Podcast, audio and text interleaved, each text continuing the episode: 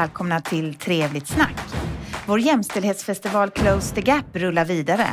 I samarbete med Karriärpodden och Eva Ekedal blir det ett viktigt samtal om jämställdhet, ledarskap och förändring. Live från scenen i Trehuset. Trevlig lyssning!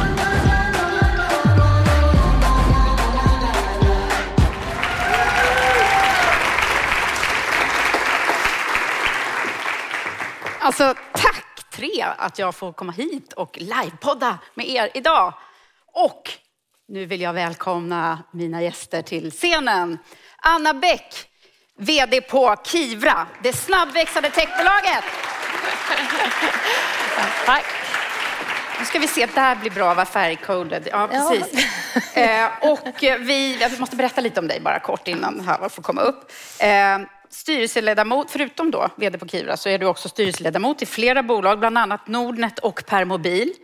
Tidigare har hon varit på McKinsey och hon har också drivit bolag i flera år i Kina. Men hon började sin bana inom telekom såklart, på Glocalnet. Ja. Och nu, mina damer och herrar, välkommen Haval van Drumt. Hej, var fick jag sitta? Det är i den röda stolen. Eller rosa? Ja.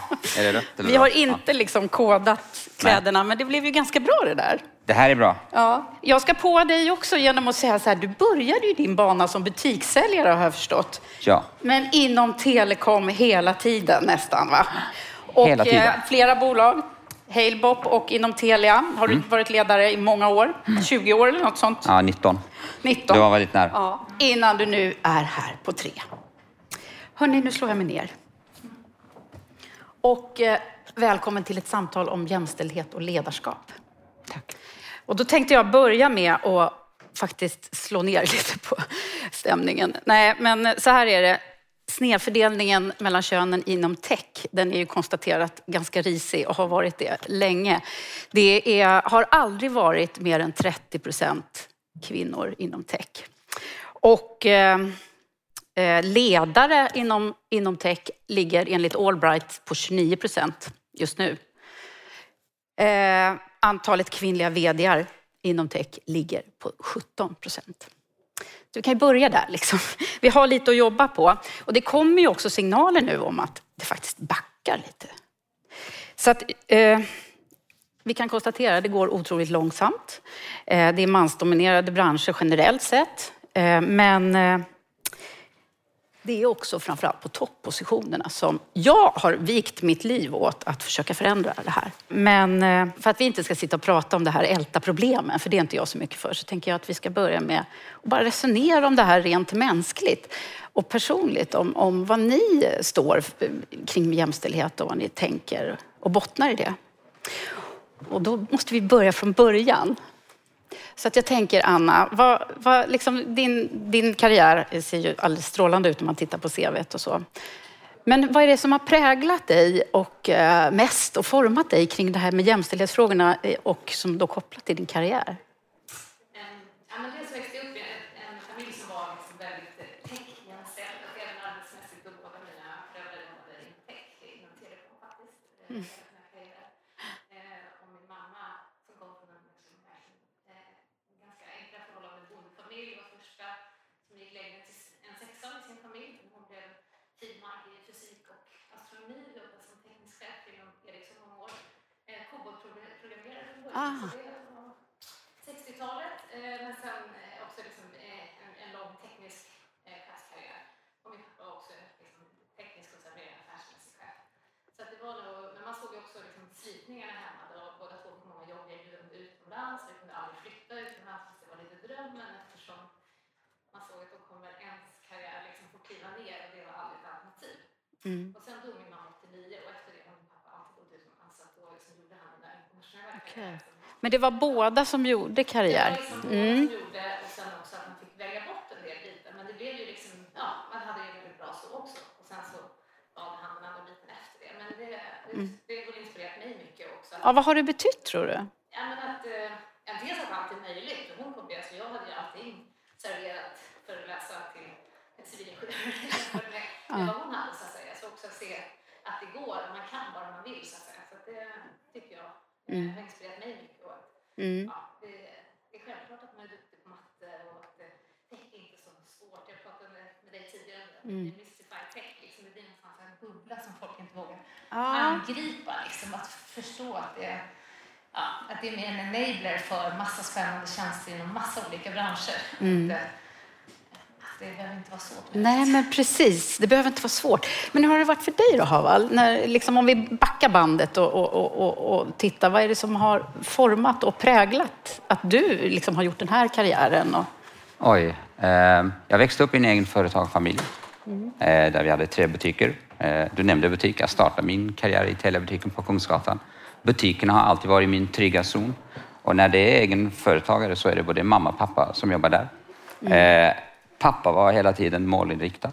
Ja. Hur än man sålde så sa han, ah, du kunde ha gjort mer.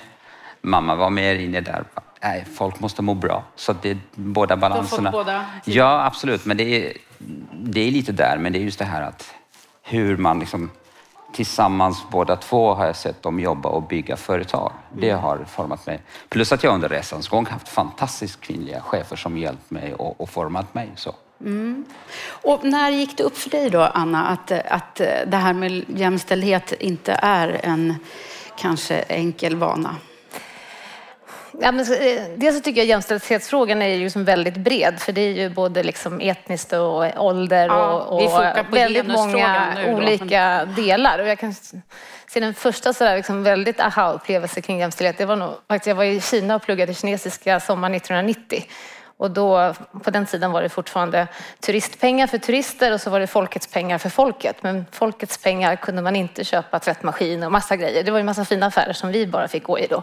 Och det var ju liksom en eh, också hela under den apartheid-delen som fanns i Sydafrika. Och liksom det var ju väldigt mycket kring det. Men just när man upplever det och lever, att man är helt olika människor i samma samhälle. Det tror jag blev liksom en tankeställare så. Sen har jag jobbmässigt nu haft förmånen ganska många år jobba på bolag där man inte ens pratade om det för det var liksom inte en issue. Så även om jag liksom läste till civilingenjör, det var få kvinnor, men jag jobbade mitt första jobb så var jag, blev ganska snabbt CTO på Glocalnet och jobbade ju liksom bara inom tech och nästan alla runt omkring mig var män. Men det var liksom inte en frågeställning på det sättet tror jag. Jag kommer ihåg en gång det väcktes när en av mina anställda som heter Göran, så jag var jättenära vän med också, han kom och sa det kommer vara en lista i Dagens Nyheter eller någonting, att det är fler eh, börs som heter Göran än vad det finns kvinnor. Mm. Och den där, han hette ju Göran så han tyckte det var väldigt roligt. så jag hade liksom den lite på väggen så det var väl liksom en sån tankeställning. Och sen med åren så har man liksom hamnat i kontexter där det inte alls känns jämställt utan där är Ja, man blir någon slags andra klassens medborgare eller någonting. Och då har jag funderat mycket på liksom, vad är det vad är det som gör den känslan och liksom hur lever man det som bolag? Jag har jobbat rätt mycket med branding också och pratat mycket om story doing istället för storytelling. Att man, liksom, man måste leva den historien man är. Kanske för länge sedan innan sociala medier så kunde man kanske marknadsföra sig till att man var ett visst företag fastän man inte var det så att säga. Mm. Men idag så måste man göra det man säger och jag tror att det handlar väldigt mycket om det är kring kultur och liksom känslan i bolag. Det räcker inte att ha ett antal fina värdeord utan de måste levas liksom uppifrån och ner och nerifrån och upp på riktigt i liksom respekten mm. mellan människor varje dag och också bevisa det. Vi hade en 67-årig Erlanger-utvecklare som sökte jobb hos oss och så tänkte jag 67 år, shit liksom. Ja, så jag måste erkänna, det första jag gjorde var, kan man liksom säga upp en person till slut någon gång? Alltså, tänk om han vill vara kvar när han är 75 och jag inte tycker han levererar. Och man är utanför LAS när man är efter 67. Ja. Men vi anställde honom, han är superbra, nu är han 69 och liksom, fortfarande jätteduktig. Men det gör ju också det är också en jämställdhet att man kan Absolut. få fortsätta jobba och ja, men... att han kan trivas med 20-åringar. Och, ja. mm. Men Haval, alltså på riktigt, när, när, när, när blev liksom jämställdhet en viktig fråga för dig ur eh, ledarperspektivet?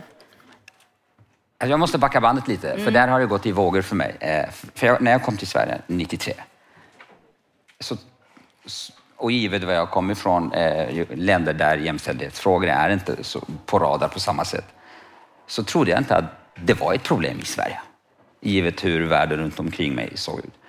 Och, och ju mer jag började förstå samhället, ju mer karriärsteg jag gjorde, så tänkte jag, Jesus, det är nästan på samma sätt, fast kanske inte på samma nivå.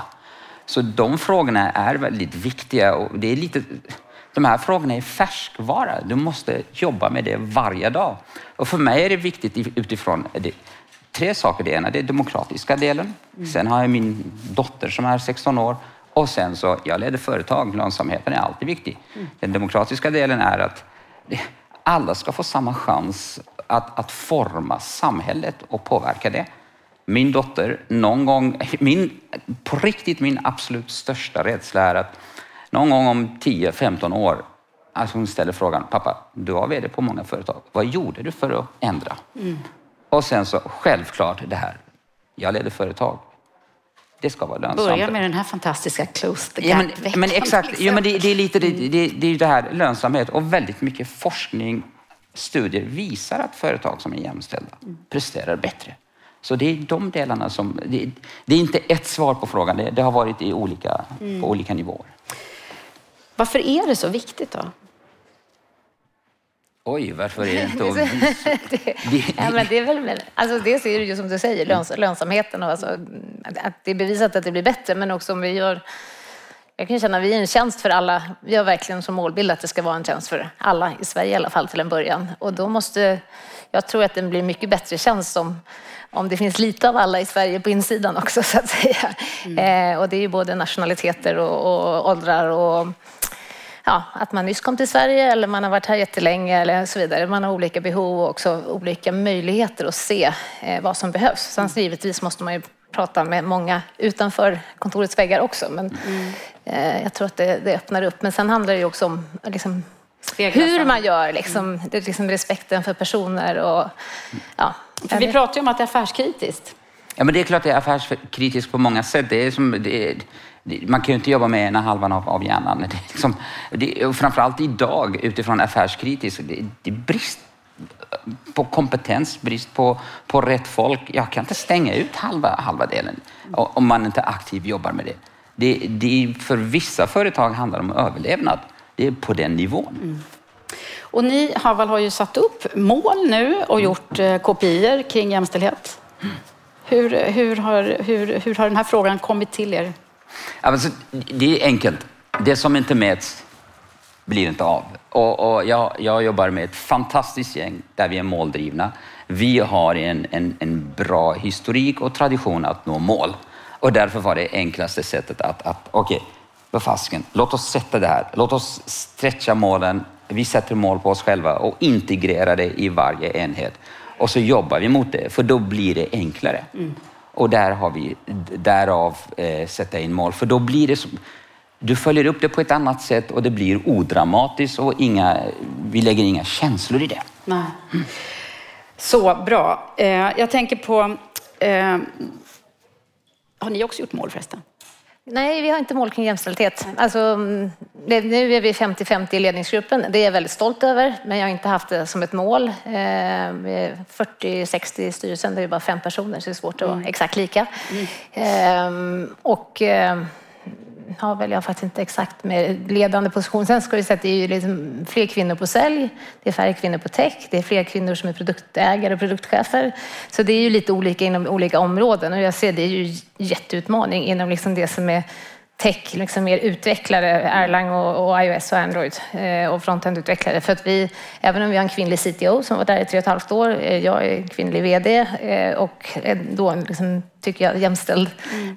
äh, liksom struktur. Så vi har ju Eh, inte, det är ingen som söker som är kvinnliga utvecklare. Det finns väldigt få helt enkelt. Sen är ju flera av till exempel produktägarna kommer från att vara liksom, civilingenjör, kanske varit utvecklare och sen valt att och, och, eh, ta en annan typ av liksom, lite mer kommersiellt inriktad eh, karriär. Inom design är det jättemånga som är kvinnor. Så, att, så det är lite olika mm. inom olika skrå. Men det också visar ju att det räcker inte bara att ha förebilder eller liksom tala om det eh, och ja, jag vet inte hur man ska lösa det. Jag skulle inte våga sätta ett mål att 20 eh, procent av Erlang-utvecklarna ska vara kvinnor för då får vi antagligen sluta anställa män.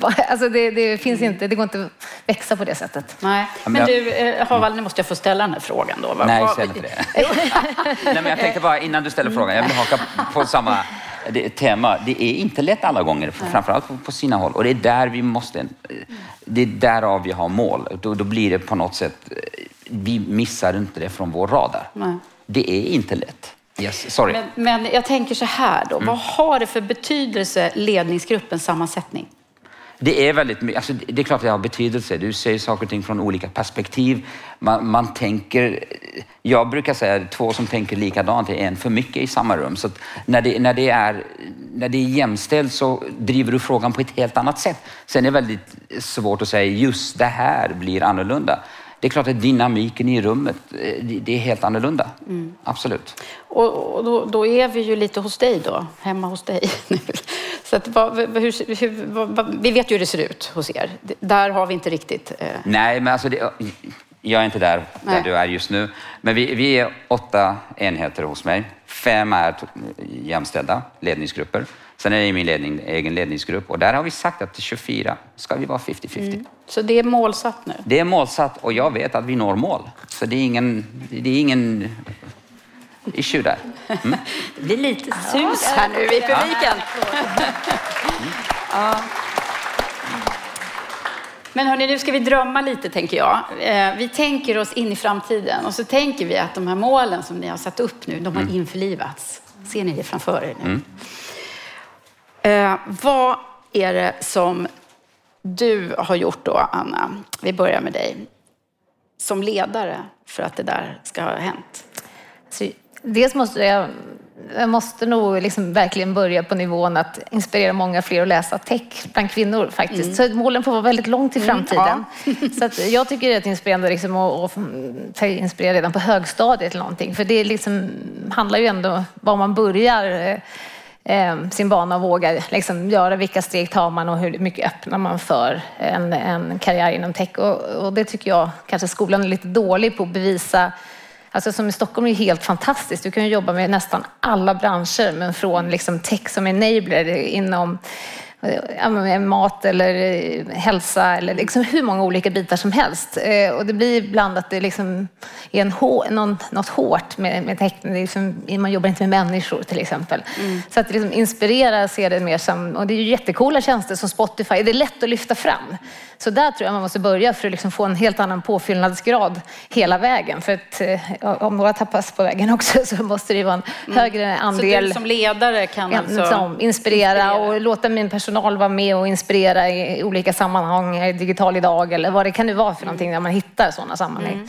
Mm. Eh, det tror jag är jätteviktigt. Sen, sen kan man ju som själv som bolag fortsätta att jobba. Jag tycker det är viktigt, liksom de styrelser jag sitter i också, Eh, att, att man liksom hjälper till. Vad är det för mål? Hur sätter man optionsprogram? Hur, alltså många olika komponenter som gör att det blir en jämlik arbetsplats som man kan mm. säga. Och vad säger du då, Haval? Vad, vad, vad, har du gjort? Nu är vi där i drömmarna igen. Nej, men alltså, I drömmarnas värld, eh, och det, nej, inte i drömmarna, det är på riktigt.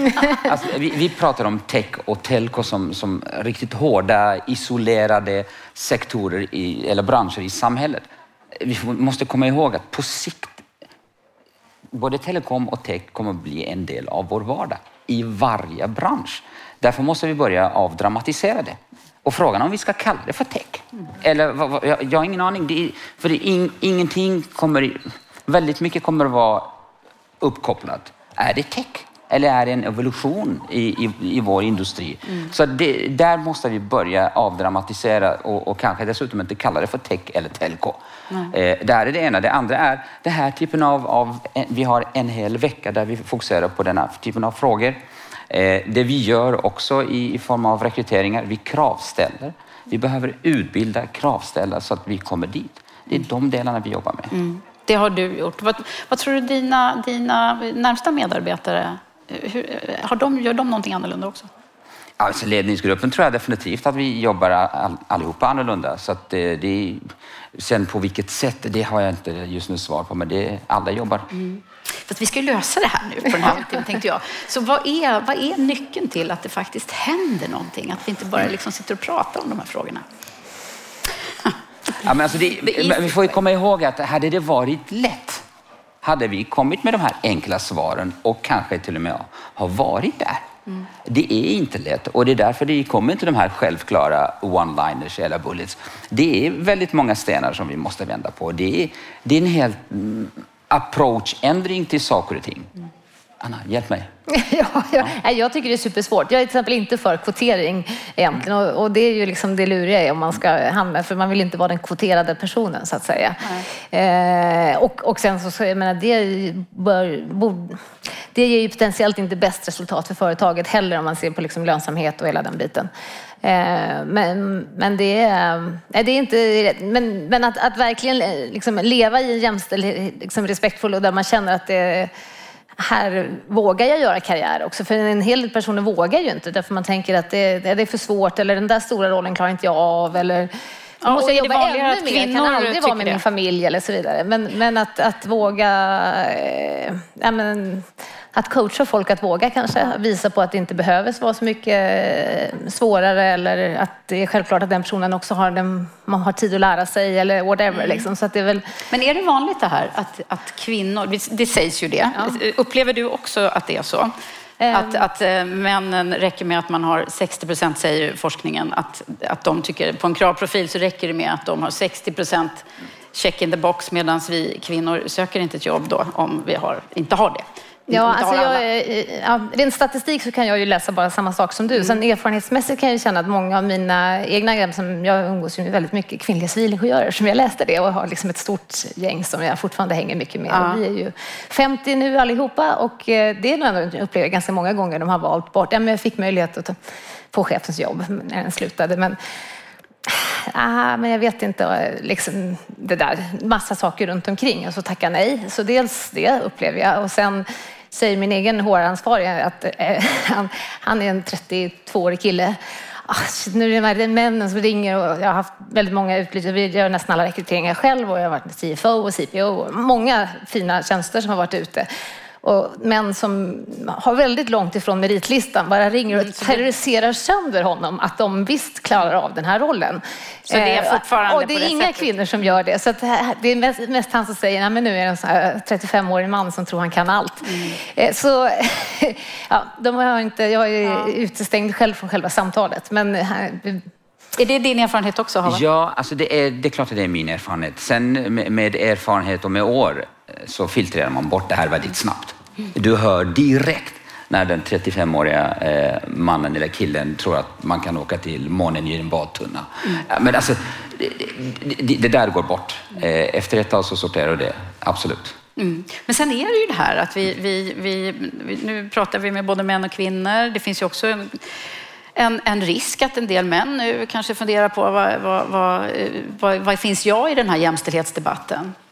Uh, Ingen risk. Det där kan vi bara säga. Det, ja, Nej, jag, vad jag säger tror, du om det? Nej, men jag, jag tycker att det, det, är en överdriven rädsla som, ja. som inte finns. Det är spöken som man hittar på själv. Eh, det finns rum för alla menar du? Det finns rum för alla. Och vet ni vad? Det finns jobb för alla också.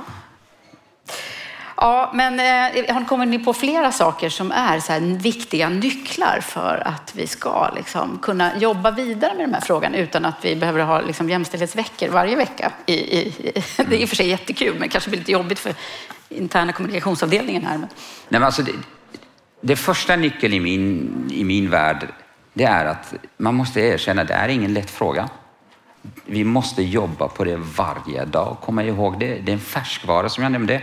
Dessutom så, man måste hela tiden hitta nya sätt att angripa det. Mm. Och för tech-delen, det är på riktigt, jag tror på riktigt att vi måste avdramatisera hela det här tech, telco. Mm. För det, det är en del av vår vardag. Mm. Och det finns i alla bolag. Exakt. Mm.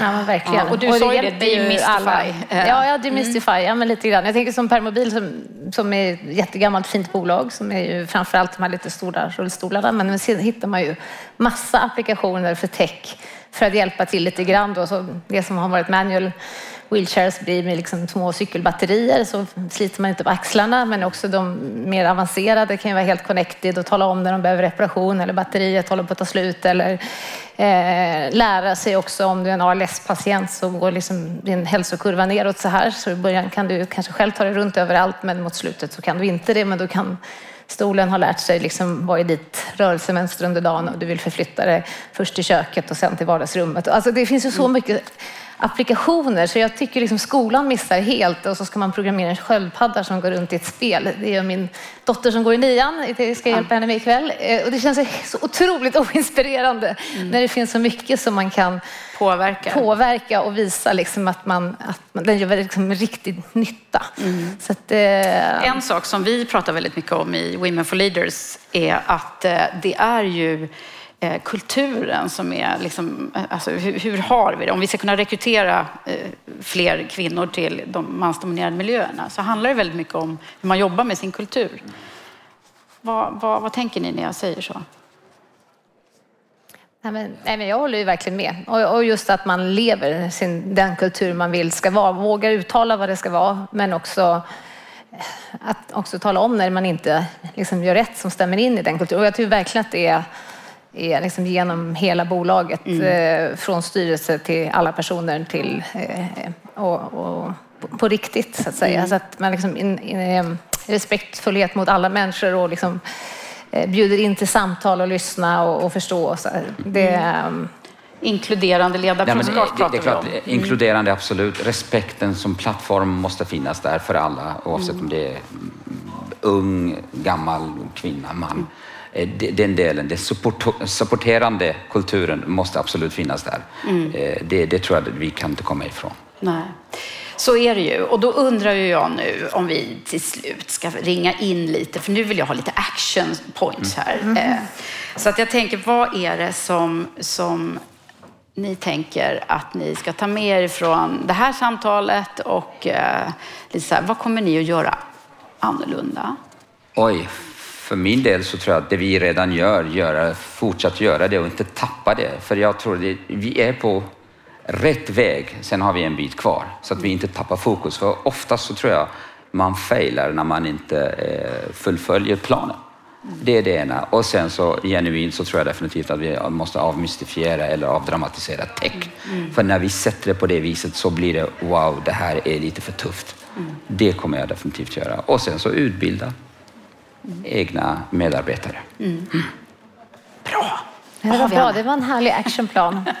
Eh, jag tror både på att fortsätta liksom från ung ålder och försöka inspirera och eh, påverka eh, så att det blir fler att fylla på med. Mm. Absolut. På Kivrace, jag är ju ganska nöjd i VSen. Man ska aldrig vara nöjd utan man ska vara... Vi tittar på att gå ifrån Erlang helt och hållet. Det är jättesvårt att vara jämlik där. Man kan hitta lite mer moderna språk som kan vara en en del att hitta, både fler personer, för generellt är det ont om personal, men även eh, kanske lite jämlikare personalgrund. Mm. Men, men det är egentligen inte av den orsaken utan mer kompetensförsörjning som sådant. Men då breddar man ju till en större del av befolkningen. Nej, eh, så det, jag tror det är faktiskt är mina huvudpunkter. Ja, härligt. Så demystify tech ja. och vad sa vi? Fullfölja planen. Fullfölja planen. Vi, vi är på rätt väg, det vet jag. Mm. Vad härligt. Ja. Tack så jättemycket för att jag fick samtala med er och tack, tack